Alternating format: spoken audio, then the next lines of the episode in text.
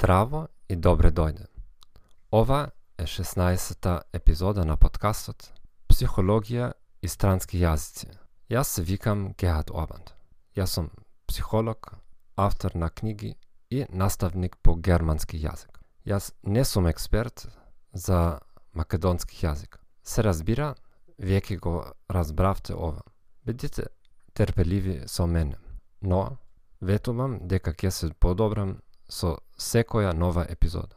Ако го откривте но овој подкаст само сега, најпрво проверете ги најновите епизоди. Квалитетот ќе биде многу подобар од колку во првите епизоди.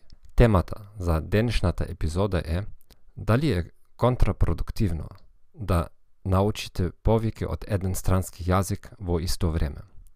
Се надевам дека не ја пропуштивте нашата последна епизода, епизода 15 Лажни гуруа во индустријата за јазици.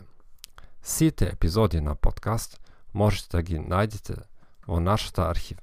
Ако сакате да го слушате овој подкаст на друг јазик, посетете ја нашата веб страница thegomethod.org/podcast или thegomethod.org/macedonian.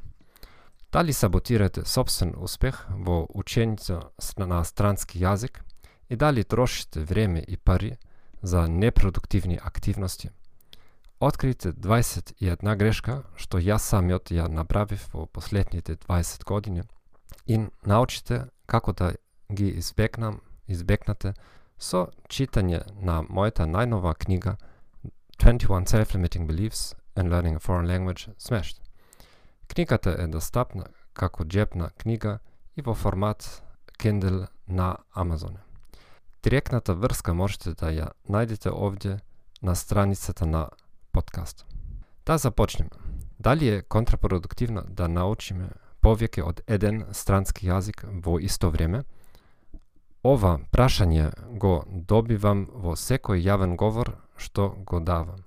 Очигледно, стандардниот совет што го добиваат повеќето луѓе е дека е подобро да завршите една работа, работа пред да започнете нешто ново. Се сеќавам на ова и од моите родители и наставници. Типичните аргументи се добиете подобри резултати ако се фокусирате на една работа. Учење на неколку јазици во исто време создава забуна на вашиот за вашиот мозг. Ке измешате зборови од тие јазици и ке завршите да зборувате со многу грешки. Постојат различни различни проблеми со ова. Учење на јазици е како дрва, дрвја што растат.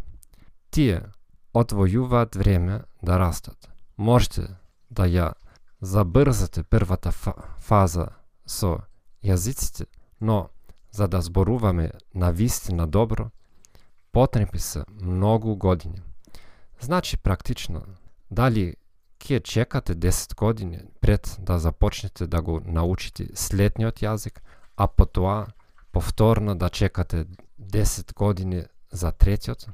И дали сте толку добри на јазиците што веќе ги зборувате? Дали сте совршен на вашиот мајчин јазик, то jest да работите в театар или, или по ТВ ниво, дали според тоа имате дозвола да започнете нов јазик?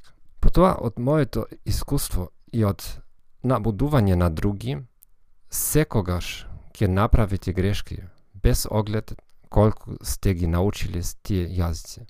Повеќето од нас училе само еден странски јазик во исто време на училиште, а резултати, резултатите се доста лоши. Го препорачу, препорачувам следново. Изберете јазици на кои сакате да зборувате во наредните 10 години.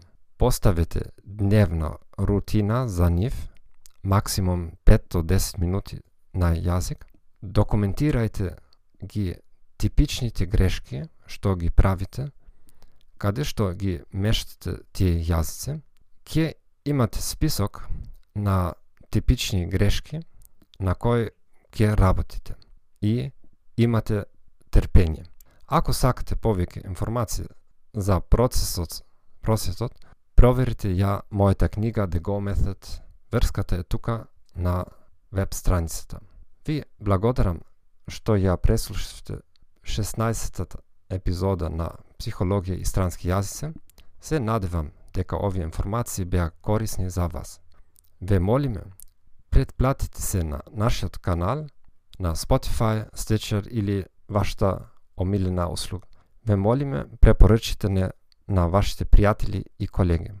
Како што ветив порано, јазичниот дел ќе се подобри со следните неколку недели. Сите најдобри и с Богом!